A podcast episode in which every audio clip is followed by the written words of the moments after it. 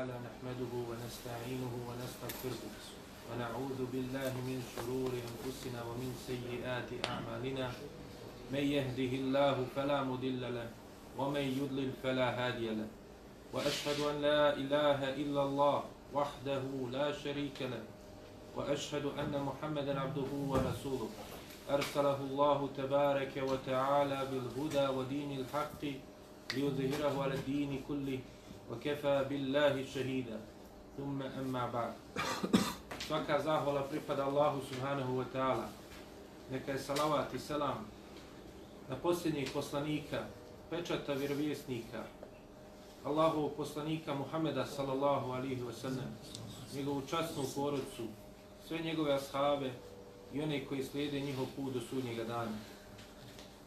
Hvala Allahu subhanahu wa ta'ala koji nam je poslao najodabranijeg svoga roba Muhameda sallallahu alaihi ve sellem, što nam je ukazao čast da imamo priliku da učimo, izučavamo život najboljeg insana koji je kročio zemljom. Da uzimamo pouke iz čitavog njegovog života. Jer čitav njegov život okružuju mnoge koristi i pouke za oni koji su razumom obdareni, koji žele da uzmu pouku, koji žele da krene, krenu najboljim putem, putem Islama, putem Allahovog poslanika Muhameda sallallahu alaihi wa sallam. Prošli put smo govorili o rođenju Allahovog poslanika sallallahu alaihi wa sallam, o tom veličanstvenom događaju rođenja tog najodabranijeg Allahovog roba Muhameda sallallahu alaihi wa sallam, koji se rodio na najčasnijem mjestu mogućem u Mekki, od najboljeg porijekla, ali istovremeno porijekla od ljudi koji su bili obični ljudi i poštovani i cijenjeni zbog svoje dobrote. Vidjeli smo kako su Kurešije i općenito Arapi u to vrijeme ipak imali dosta dobrih stvari kod sebe. Pa su jel, za svoje predvodnike uzimali ljude koji se istakli sa dobrom, sa koristi i korisnošću za svoje društvo, za sve one koji su živjeli u njihovom društvu, što su bili na usluzi tim ljudima, pa su takve ljude isticali i stavljali im na posebno mjesto i da ukazivali im čast i počasti, kao što je bio Abdul Mutalib, djed Allahov poslanika, sallallahu alaihi wa sallam, kao što smo vidjeli. Pa dakle, iz tog časnog porijekla sa strane jel, dobrote i korisnosti društvu i rada na napretku tog društva, došao je Allahov poslanik sallallahu alaihi ve sellem.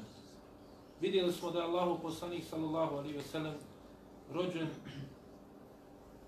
i da su čak i neki ajeti se ukazali i stvari koje su ukazivale na veličanstvenost tog događaja i prije samog rođenja, s obzirom da je rođen u godini slona i onog slučaja koji smo opisali sa vlasnicima slona kada su pokušali da sruše Keabu, pa je Allah uzvišen i dao čudo i spasio Keabu, i spasio to mjesto Meku i ostavio i iskazao njegovu počast, kao što se nakon dugo vremena i ukazao i ponovo počeo koristiti izvor zemzem, pa je dakle opet to sve bilo vezano za Allahovog poslanika sallallahu alaihi veselem s obzirom da je bilo vezano za njegovog djeda Abdul Mutaliba.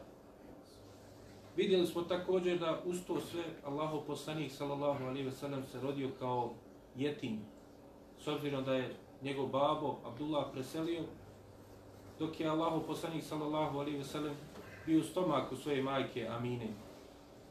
Pa je dakle rođen kao jetim, bez oca.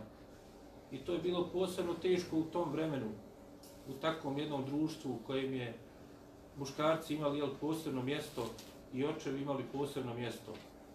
No međutim, Allahu poslanik sallallahu alaihi ve sellem u sve to proživit će i živio je častan i odabran život. Pa tako Allah subhanahu wa ta'ala je dao da nakon što je jel, ostao bez oca, Allah uzvišen je dao da je imao počast da bude njegova dojlja jedna od dobrih osoba koje će, koja će, koje će ga zadojiti. Allahov poslanika, sallallahu alaihi ve sellem, kao što smo spomenuli, njegov djed je osunetio sedmi dan nakon njegovog rođenja, a nakon toga, dakle, u tim danima prvim zadojila ga njegova majka Amina, a nakon toga, po običaju Arapa je bilo da svoje djecu šalju u pustinju kod Beduina da žive te prve godine svoga života i da ih nađu dobru dojilju koja će ih dojiti u tom periodu. Nakon Amine, njega je zadojila i Suvejba koja je bila robinja kod Ebu Leheba.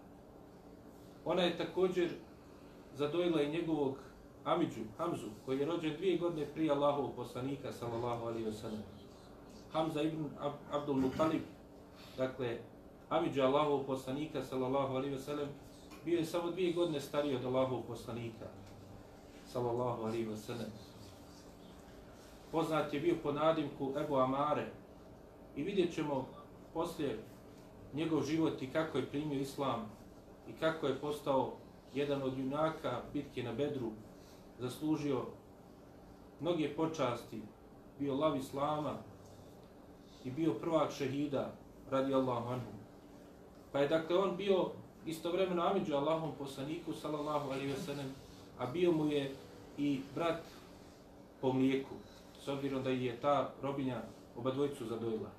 Također nakon, dakle, Allahov poslanika sallallahu alaihi ve sellem, ta Suvejba zadojila je također Ebu Selemu, Ebu Seleme, kojim ime bilo Abdullah, je također jedan od časnija sahaba kasnije, koji će biti, kao što se spominje, deseti ili jedanesti koji će primiti islam. Dakle, još jedan od časnija sahaba i također od počasti koji će imati taj ashab, vidjet ćemo mnoge događaje koji se desili u životu Allahov poslanika sa Veselem vezani za njega. Pa i on, između ostalog, je imao i počas da je bio brat Allahov poslanika, sallallahu alaihi wasallam, po mlijeku.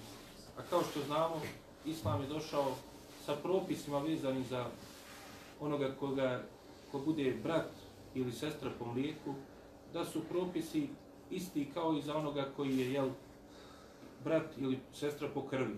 Dakle, Islam je došao sa propisima koji to pojašnjavaju i poslanik sallallahu alaihi wa sallam je pojašnjavao te propise, tako da je to važno poznavati i znati zbog toga što je to jel, nešto što je Islam, salal, Islam preko Allahu poslanika Muhameda sallallahu alaihi ve sellem potvrdio i to je prihvaćeno Islamu kao bratstvo i, i sestrinstvo koje je slično jel, krvnoj vezi.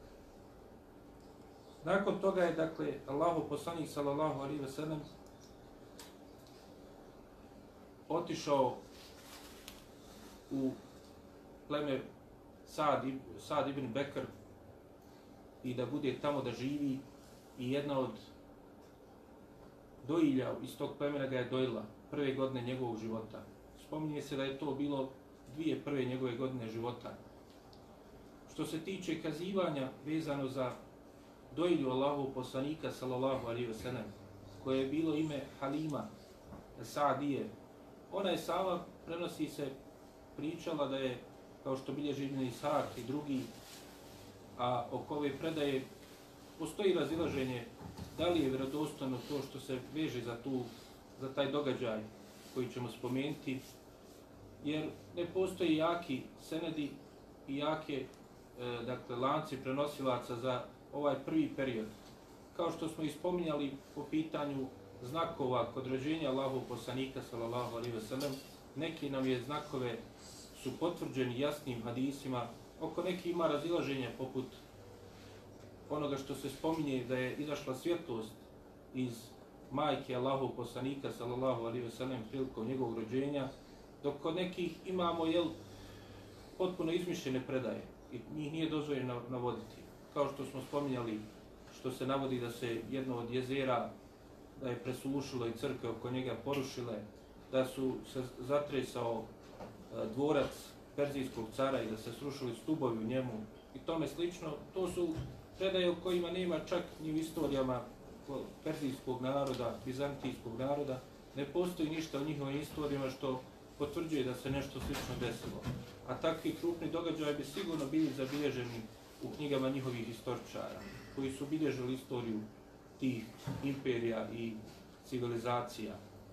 Pa tako i ove predaje, dakle, ima razilaženja, ali učenjaci kažu radi koristi mogu se navesti zato što u njima ne postoji ništa što je suprotno sa nečim što je vjerodostojno preneseno ili nekim pravilima od islama.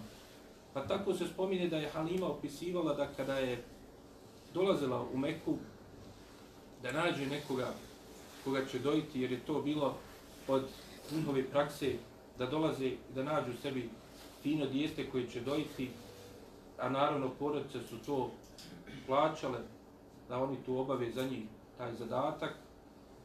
Ona nije se uspjela da nađe sebi dijete a kaže bila je u teškoj situaciji jer čak i njihova deva koji su imali jel, a živjeli su u pustini i stočarstvo je bio njihov izvor života od tih deva i ovaca, kaže nisu davali mlijeko.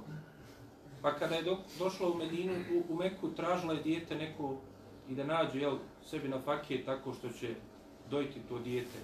No međutim, jedino dijete koje je ostalo bio je Allahov poslanik Muhammed sallallahu alaihi wa sallam.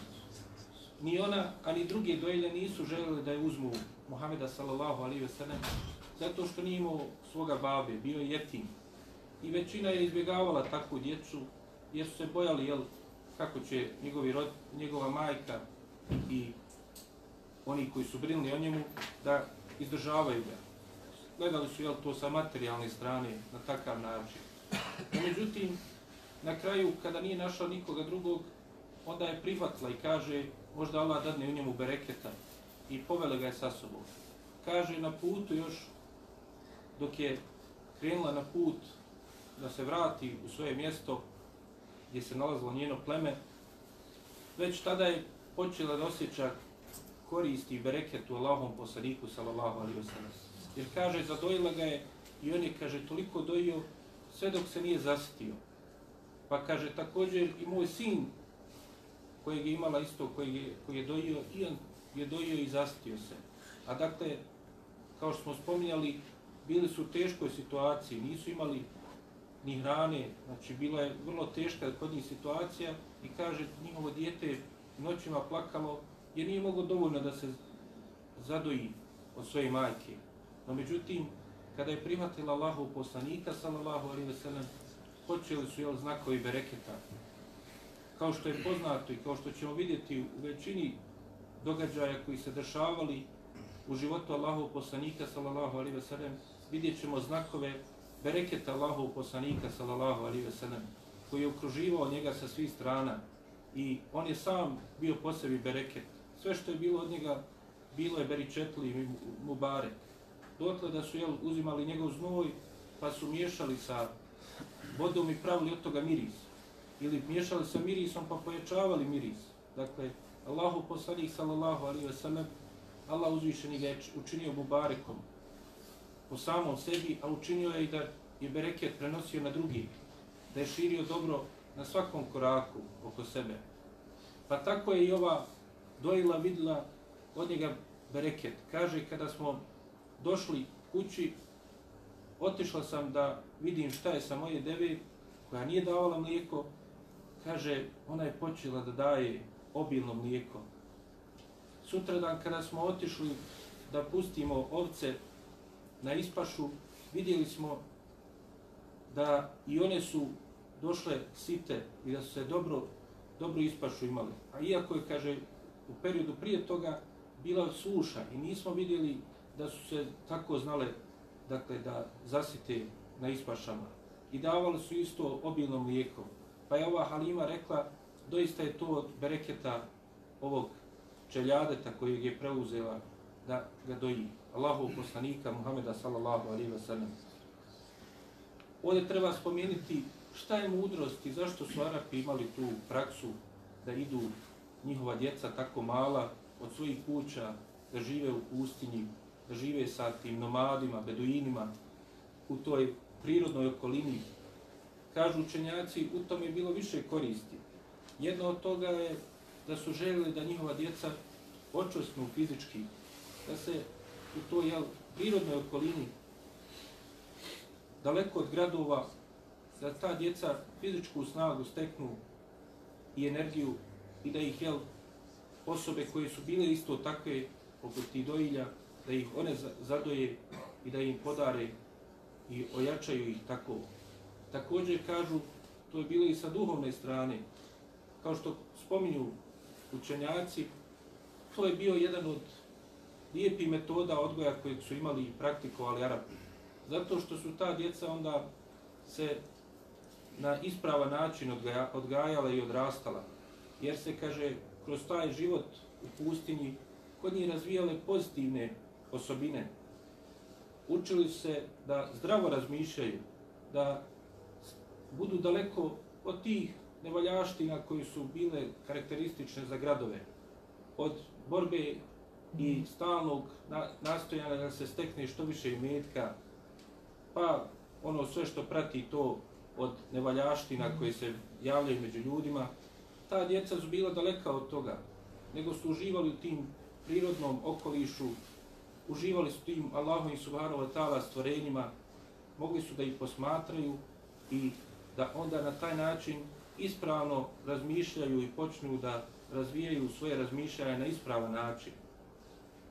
Također, kažu učenjaci, spominje se da je jedan od razloga i to da su slali djecu svoju u takve sredine da bi što bolje naučili jezik, što ispravnije govorili.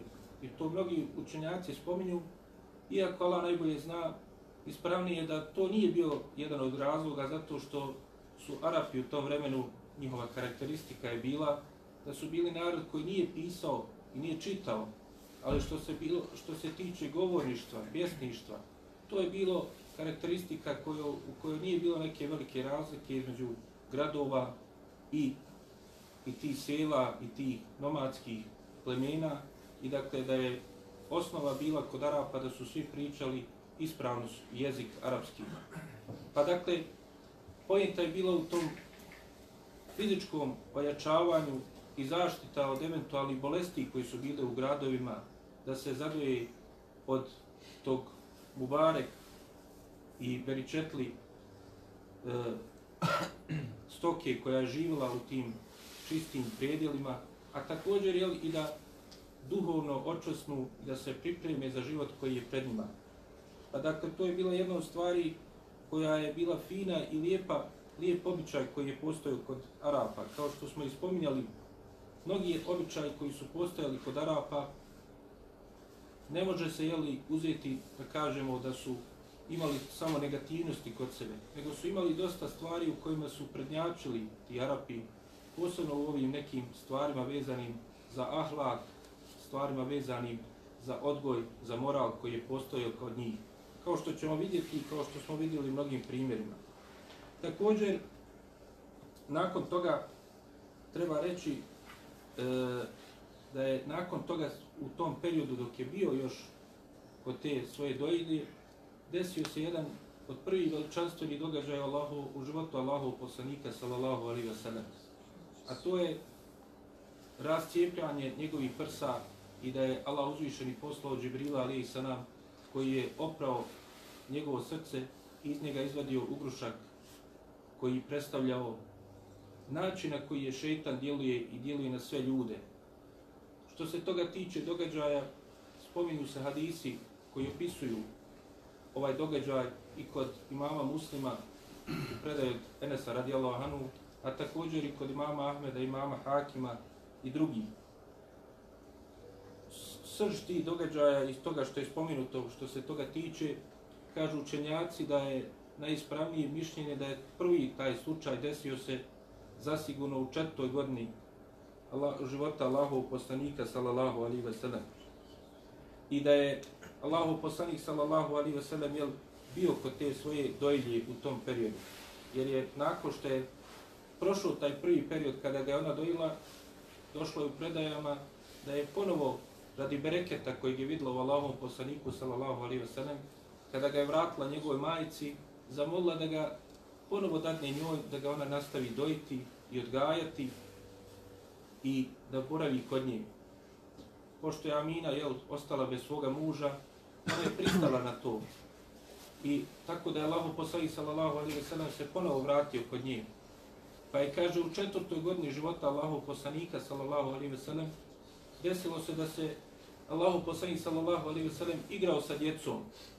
I onda su djeca videla da je neko, neka čovjek, u, dakle, došao je Džibril u ljudskom liku i uzeo Allahu poslanika, sallallahu alaihi ve sellem, na njegovim prsima napravio rez, izvadio srce Allahu poslanika, sallallahu alaihi ve sellem, i onda izvadio iz njega taj ugrušak. Allahu poslanik, sallallahu alaihi ve sellem, posle za svoga, nakon što je počeo da dolazi objava, opisivo je to i rekao da je Džibril alaihi sallam došao da izvadi taj ugrušak preko kojeg je Karin, kojeg svako od nas ima, to je šeitan, koji čovjeka navodi na činjenje loših dijela. Pa su pitali Allahu poslanika da li ti imaš takvog Karina, kaže imam, samo što je on, moj Karin, mene nagovara na dobro. Ali, dakle, izvađen je taj ugrušak preko kojeg je on djelovao. I onda je nakon toga Džibril Ali Sanam uzeo srce Allahov poslanika sallallahu alaihi ve sellem, postavio ga u posudu koja kaže se bila je zlatna. E, učenjaci govore da je u tom slučaju bila zlatna posuda zato što je to bilo prije poslanstva. I kada je došlo poslanstvo i kada je Allah poslanik sallallahu alejhi ve sellem počeo primati objavu, nakon toga je došla zabrana korištenja zlatnih posuda za jedenje, za pijenje muslimanima, Pa je dakle, nema nikakve spornosti u tome što je bila takva posuda. I kaže se da je Džibril alaihi salam oprao srce Allahu poslanika sallallahu alaihi ve sallam sa vodom zemzem. I onda ga vratio u prsa Allahu poslanika sallallahu alaihi ve sallam. Nakon toga su normalno djeca koja su to videla prepala se i pobjegla svojim kućama. I onda se vratili i doveli svoje roditelje pa su vidjeli Allahu poslanika sallallahu alaihi ve sallam kako je, kaže, promijenio bio boju, bio je drugačijeg izgleda. Ali mu ništa nije falilo.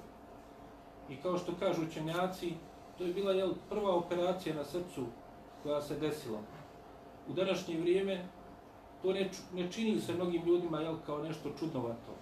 Zato što vidimo da je medicina napredovala pa je to postala jedna od normalnih operacija koje se vrše u medicini. No međutim, činjenica da se to desilo tada, i da, kao što Enes radijalo Ahanu kaže, vidio sam, pošto je on bio sluga Allahu poslanika, sallallahu alaihi ve sellem, vidio sam na prsima Allahu poslanika, sallallahu alaihi ve sallam rez, kako je, dakle, Džibril alaihi sallam, napravio rez, dakle, ostao je od toga ožiljak na prsima Allahu poslanika, sallallahu alaihi ve sallam. I nesumnjivo je taj događaj se desio. I to je, dakle, čudnovatost i jedna od prvih muđiza koja se desila Allahom poslaniku sallallahu alaihi ve sallam.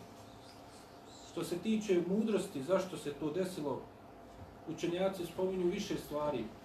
Prvo je što iz toga vidimo da svaki od nas ima tog karina, ima tog šeitana koji ga nagovara na zlo.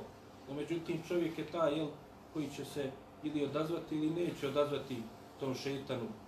Također, jel, iz toga vidimo i da je moguće da šeitan utiče na ljude i da je moguć šeitanski uticaj na ljude i ono što je sve vezano po pitanju sihra i djelovanju sihra, da je taj da je to zlo doista stvarno koje se dešava i da nema sumnje da postoji nešto što se tako zove u islamu. Također, što se tiče zašto se desilo to Allahom poslaniku sallallahu alaihi ve sellem tako rano u životu, kažu učenjaci, to je bila Allahova priprema Muhameda sallallahu alaihi ve sellem za ono što je bilo pred njim. Pa je dao da se to desi tako rano u njegovom životu da bi na ispravan način odrastao i proveo svoje djetinstvo. Daleko od svih negativnosti, bio je u toj finoj sredini, prijatnoj za njega, u prijatnoj porodici, jer treba napomenuti da Halima, će zajedno sa svojim suprugom Harisom u vremenu kada se desilo sporazum na Huneinu, doći da primi islam od Allahov poslanika sallallahu alaihi ve sellem i postaći ashabi radi Allahu anhu. Pa je dakle u jednoj prijatnoj sredini živio, pa je Allah dao da dakle sve moguće negativnosti budu daleko od Allahov poslanika sallallahu alaihi ve sellem. Da bi na ispravan način odrastao daleko od bilo kakvog zla i u djetinstvu i u ostatku života. Što se tiče da li je bilo više puta da se desi ovaj događaj po pitanju rascijepljenja prsa Allahu poslanika sallallahu alaihi wasallam i toga da je Džibril dolazio da mu opere srce, spominje se u nekoliko hadisa da se to dešavalo još nekoliko puta. Pa se spominje da se desilo to desete godine po životu Allahov poslanika sallallahu alaihi wasallam u hadisu kod, koji bilježi imam Ahmed, ali koji nije vjerodostojan. Treći put spominje se da se to desilo kada je došlo Ibri, kada je došlo Džibril alejhi selam sa prvom objavom Allahovom poslaniku sallallahu alejhi ve sellem hadis koji bilježi Tajalisi, Ebu Davude Tajalisi, ali također sa slabim lancem prenosilaca. Pa dakle, to nije vjerodostojno. Četvrto što se spominje da se desilo u noći Isra i Mirađa, da je Allahu poslanik sallallahu alejhi ve sellem kao što je se na što upućuju riječi iz hadisa koji bilježi ima muslim od Enesa radijallahu anhu, da je Allah poslanik sallallahu alaihi wasallam prije nego što je uzdignut na nebesa, dakle prije mi'rađa, da je Džibril alaihi salam opet mu rascijepio prsa i oprao njegovo srce. Ibn Hajar, Hafiz Ibn Hajar kaže da je ta predaja i dokazi koji potvrđuju da se to desilo, da su jaki i ispravni. Zato učenjaci kažu i dakle, smatraju da je ispravno da je Allahovom poslaniku sallallahu alaihi ve sellem se to desilo dva put u životu. Jer opet i taj događaj odlaska na mirađ, odlaska na onaj svijet sa ovoga svijeta, Allahov poslanik sallallahu alaihi ve sellem se morao pripremiti i morao dakle biti spreman na ono što će vidjeti i što će dočekati od čudesa na ono na svih sedam nebesa koja ćemo jel, inšala vidjeti koja, kroz koja je prošao. Također, ovdje treba istaći ono što smo govorili u prvom predavanju po pitanju Salman al-Farisija radijallahu anhu, kako je vidio pečat Allahu poslanika sallallahu alaihi wa sallam na, između njegove dvije plečke na njegovim leđima. Taj pečat učenjaci e, spominju na osnovu hadisa koji su došli predajama od ashaba koji bilježi ima muslim i drugi, da je izgledao poput skupa e, bradovica i da se nalazi između njegovih plečki tako da je bilo bliže lijevoj plečki Allahov poslanika sallallahu alaihi ve sellem kao što je došlo u jednom od hadisa i da je izgledao poput bradavice muškarca taj oblik tog pečata na leđima Allahov poslanika sallallahu alaihi ve sellem. Neki opisuju da je izgledao poput golubljeg jajeta, ali je bilo boje kože Allahov poslanika sallallahu alaihi ve sellem. U, u slabim predajama je došlo da je na njemu pisalo Muhammed Rasulullah, Allahu, da je Muhammed Allahov poslanik i neke druge napisi i druge stvari ili da je izgledalo poput onog traga koji ostane nakon što se obavi hijjama na određenom dijelu tijela. Dakle, da je takav izgled bio, no međutim sve te predaje su slabe. Kažu učenjaci mudro zašto je bio bliže taj pečat lijevoj plečki zato što je se dakle nalazio baš iza leđa e, sa strane leđa gdje se nalazi srce. Da bi se jel time još više učvrstilo i pokazalo da šeta ne može prići čovjeku. Dakle, ne može prići Allahu poslaniku sallallahu alaihi wa sallam kao što prilazi drugim ljudima sa te strane, jer je bio pečat koji je štitio Allahu poslanika sallallahu alaihi wasallam. A također i taj pečat je kao što smo vidjeli na primjeru Salman al-Farisija potvrda poslanstva Allahov poslanika sallallahu alaihi wasallam, jer su kršćanski monasi i sveštenici kao što su jevreji također imali opisano u svojim objavama koji su im dolazili preko njihovih poslanika, poslanika koji su njima slati, znali su da je to Allahov poslanik sallallahu alaihi ve sellem i imali su te znakove opisane kod sebe. No međutim, malo je onih koji su istinski se odazvali njemu iz razloga koji ćemo vidjeti zbog čega su to odbijali da urade. Što se tiče povratka Allahov poslanika sallallahu alaihi ve sellem svojoj majici, spominje se da je on se vratio svojoj majici, no međutim ona je ubrzo preselila. Kao što smatraju učenjaci na osnovu predaja koji su došle, da je majka Allahovog poslanika sallallahu alaihi ve sellem preselila kada je on imao šest godina. Kao što to spominju Ibn Ketir, Ibn Kajim i drugi, da je od predaja koji se spominju po tom pitanju, da je vjerodostojno i prihvatljivo da je njegova majka nakon što je otišla da posjeti svoju rodbinu u Medini, u povratku se razbolila u jednom mjestu Eboa u blizini Mekke i nakon toga ubrzo preselila u to mjesto. Pa je, kao što je došlo u hadisima, Allahu poslanik, sallallahu alaihi ve sellem, nakon što je postao Allahu poslanik, dobio i tražio Allahu uzvišenom da oprosti njegovoj majici. Pa mu Allah uzvišeni nije uslišao to dovu. Pa je kaže, kao što je došlo u vjerodostojnim predajama, Allahu poslanik sallallahu alaihi ve sellem je rekao, kaže, tražio sam od svoga gospodara da bi dozvoli da traži za njej oprost, kao što bilježi ima muslim i drugi. Pa kaže, nije mi dozvolio. Pa sam tražio da posjetim njen kabur, pa mi je dozvolio. Pa se spominje u hadisu koji bilježi imam Ahmed, da je Allahu poslanik sallallahu alaihi ve sellem bio sa skupinom svojih ashaba u blizini tog mjesta u kojem je ona ukopana i zastao je i otišao do njenog kabura. Pa kaže Omer radijallahu anhu, vidio sam Allahu poslanika sallallahu alaihi ve sellem kako je počeo da plače. Bio je tužan kada je vidio kabur svoje majke tražio Allah uzvišenom da traži oprosta za nju. Ali Allah uzvišeni mu nije dozvolio. Zato što je ona umrla na širku. Ali to je pogodilo normalno Allahu poslanika sallallahu alaihi wasallam, jer on je bio milo svim svjetovima. Pa kako da ne bude tužan što je majka njegova bila u takvom stanju. I pogodilo ga je. Kaže Omer radijallahu anhu, vidio sam Allahu poslanika sallallahu alaihi wasallam, kako je njegove oči suze i natapaju njegovu bradu. Zato što mu je bilo teško. Kaže Allahu poslanik sallallahu alaihi ve sellem kada se ga upitao zašto plače rekao je to je iz milosti. Ne bi li Allah uzvišeni?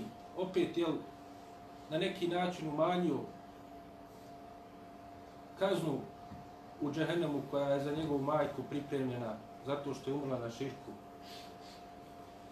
I doista teško je čuti da je tako završila majka Allahov poslanika sallallahu alaihi ve sellem. Ali Allah uzviše nikome ne čini nepravdu. Sve je to iz Allahove subhanahu wa ta'ala mudrosti. Da ljudi vide da Allahov poslanik sallallahu alaihi ve sellem nije mogao nikome koristiti i štetiti mimo Allaha uzvišenog. Da on nije imao nikakvu moć. Nije on mogao da oživi, kao što neki kažu, svoje roditelje pa da oni prime islam. Ali također u tome i mudrost da čovjek povede računa i da ne bude od onih koji će se oholiti zato što je on na istini, a mnoštvo onih koji su na zabludi, nego da bude mu žao što su ljudi u takvom stanju, da nastoji i pokušava da ih pozove da se prihvate pravoga puta i da se sačuvaju vječne kazne u džahenomu. Nakon toga, Allahov poslanika, sallallahu alaihi ve sellem, u svoje skrbništvo je preuzeo njegov amidža Abdul Mutalib. I to je još jedna od stvari kojim su odlikovali taj lijepi moral koji su imali Arapi. Nije bilo nikakvi zakonski obaveza, nije bilo nikakvi jel, razloga da to rade, a nije bilo sa druge strane ni lahko izdržavati tu djecu. No međutim, oni su iz svoga visokog morala ispunjavali emanete i ispunjavali svoje obaveze i bilo im je čast i počast da tako primate djecu. Iako smo, kao što smo vidjeli, sa druge strane imali taj loš običaj da su svoju djecu žensku zakopavali, da su čak i ubijali svoju djecu iz straha zato što imaju mnogo djece, da će ta djeca umrijeti i da će im biti e, dakle, teret da ih izdržavaju. Ali s druge strane imali su tu osobinu da kada bi bilo pitanje djeca jetima koja su ostajala bez roditelja da ih prihvataju. I što ukazuje opet jel, kako su ljudi složena bića i kako često jel, kod sebe znaju imati i dobri osobina, a istovremeno imati i najčudnijih loših osobina i najčudnijih zala da čine. Tek kada krenu s putem upute, onda se istinski istaknute dobre osobine i istinski potvrde, a suzbiju se te loše stvari kod ljudi. Abdul Mutalib je mnogo volio Allahov poslanika Muhameda sallallahu alaihi ve sellem. Imam Behepi u knjizi Dalaj, imam Hakim i drugi, bilježe nekoliko predaja koje potvrđuju to. Kaže se da je jedne prilike Abdul Mutalib tavafio oko Kabe, ali vidjeli su na njemu zabrinutost. Pa su ga upitali čemu se radi, pa kaže, poslao sam svoje čeljade Muhameda da nađe neku moju devu, pa ga još nema. A kaže, on mi je uvijek izušavao sve što bi od njega tražio. Dakle, bio je dijete tada. I on ga je poslao sa tim poslova, kaže, kad god bi ga poslao nekim poslom, Allahu poslanik sallallahu alaihi ve sellem bi to izvršio i na najbolji način odradio. Ali te prilike se zadržao, pa je, kaže, Abdul Mutalib se toliko zabrinuo za njega, da je to, oni oko njega su primijetili. Kada se vratio Allahu poslanik sallallahu alaihi ve sellem opet izvršivši tu zadaću i na, našao tu devu, Abdul Mutalib ga je, kaže, čvrsto prihvatio za sebe i rekao nikada te više neću poslati da bilo kakav takav zadatak izvršavaš, bojeći se da ne bi ga izgubio ili da mu se ne bi nešto desilo. Nakon toga također spominju da je jedni prilike, da je praksa bila Abdul Mutaliba da je imao šilte koje bi stavio u blizini Kaabe, da gleda Kaabu i da sjedi na njemu, a njegovi sinovi, kao što smo rekli, bili je ukupno deset, bi sjedli oko tog šilteta. Nijedan nije iz poštovanja prema svome babi sjedao na to šilte. Osim što bi Allahu poslanik Muhammed sallallahu alaihi wa sallam kao malo dijete, jel, znao da dođe i da sjedne na to šilte, pa su ti, te njegove amiđe, htjele da ga ukloni. Abdul Mutalib kada bi vidio šta oni želi da urade, spriječio bi i ne bi im dao. I rekao, doista, sin, moga sina, ovaj moj unuk, on će imati veliku ulogu. Abdul Mutalib, Allah uzvišen mu je dao da prepozna da će imati veliki, veliku ulogu u budućnosti njegov taj unuk i što je zbog čega ga još više zavolio i poštovao. I također, jel, ukazivao mu su moguću ljubav. No međutim, kada je Allaho poslanik sallallahu alaihi ve sellem imao 8 godina, dakle, nakon samo dvije godine što je bio pod skrbništom svoga Amidže, njegov Amidža je preselio. Ali ostavio je u emanet svome sinu Ebu Talibu da brine Allahom poslaniku sallallahu alaihi ve sellem i oporučio mu da izvrši tu taj emanet. Ebu Talib, kao što ćemo vidjeti, je na najbolji način to izvršio. Iako i on, nažalost, će preseliti, a da neće primiti islam i krenuti putem Allahov poslanika, sallallahu alaihi ve sellem. Što se spominje da je 12. godine, u 12. godine života Allahov poslanika, sallallahu alaihi ve sellem, kao što je došlo kod imama Tirmizija i drugi, da je Allahov poslanik, sallallahu alaihi ve sellem, sa svojim amidžom, Ebu Talibom, krenuo u trgovinu u Šam, pa da su sreli jednog kršćanskog monaha Behiru koji kada ga je ugledao, odmah je prepoznao da je to Allahov poslanik, sallallahu alaihi ve sellem. I kaže, odmah je prišao Ebu Talibu i obavijestio ga o tome. I rekao mu da se vrati, da ne ide dalje u Šam sa njim, jer se bojao šta će uraditi ostali sveštenici kada ga vide da će pokušati da ga ubiju, da bi spriječili da on bude Allahov poslanik.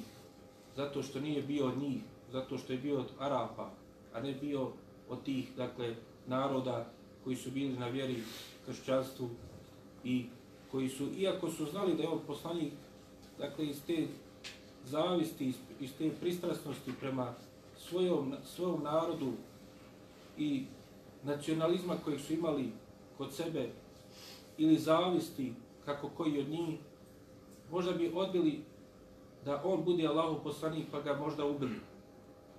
Kaže se da je kada su kada je Ebu Talib pitao zašto to govoriš i zašto tvrdiš, kaže se da je rekao zato što vidio sam da nije prošao ni pored jednog kamena, ni pored jednog drveta, a da mu nisu učinili seždu, to je počast, zato što je on Allahov poslanik, sallallahu alihi wasallam. I također želio da vidi da li ima na njegovoj, na njegovim lijeđima pečata i ugledao je taj pečat. No međutim, predaja vezana za ovo, postoji veliko razilaženje među učenjacima da li je vjerodostojna i da li je ispravno da se stvarno ovo desilo u životu Allahov poslanika. Neki poput Ibn Hadžera, Ibn Kethira i drugih, imam Tirmizi sam, smatraju da je to da je ovaj lanac prenosilaca ove predaje dobar. Drugi učenjaci se nisu slagali sa njima, poput imama Zehebija i drugi, Zbog stvari neki koji se navode u ovoj predaji, koje su neispravne i nemoguće se desile, poput toga da je zajedno sa njima bio Bilal radijallahu anhu i da je bio Ebu Bekr i tome slično. No, u svakom slučaju, kao što smo vidjeli iz onoga što je spomenuto već prije, sigurno da su oni znali, i Allah uzvišeni to potvrđuju u Kur'anu, da su oni znali Allahov poslanika, sallallahu alaihi ve sellem, da su imali znakove da će se on pojaviti, i da je to nije bilo nešto što je nepoznato bilo posebno pripadnicima knjige, jevrejima i kršćanima. I u svakom slučaju, život Allahov poslanika, sallallahu alaihi wasallam, i prije poslanstva potvrđuje o kakvoj velikoj osobi se radilo i kao što ćemo vidjeti u nastavku Išala njegovog života vidjet ćemo još mnoge stvari koje ukazuju na veličanstvenost njegove ličnosti još prije nego što je počela da mu dolazi objava. Ovdje ćemo Išala zastati pa nastaviti Išala sa ostatkom života Allahov poslanika sa sada prije poslanstva sljedeći put Išala. Molim Allah subhanahu wa ta'ala na oprosti naše grijehe, da nas se smiluje. Molim ga subhanahu wa ta'ala da nam poveća uputu. Molim ga subhanahu wa ta'ala da nam poveća ljubav prema Allahovu poslaniku sallallahu alaihi wa sallam. أقول قولي هذا واستغفر الله لي ولكم ولكم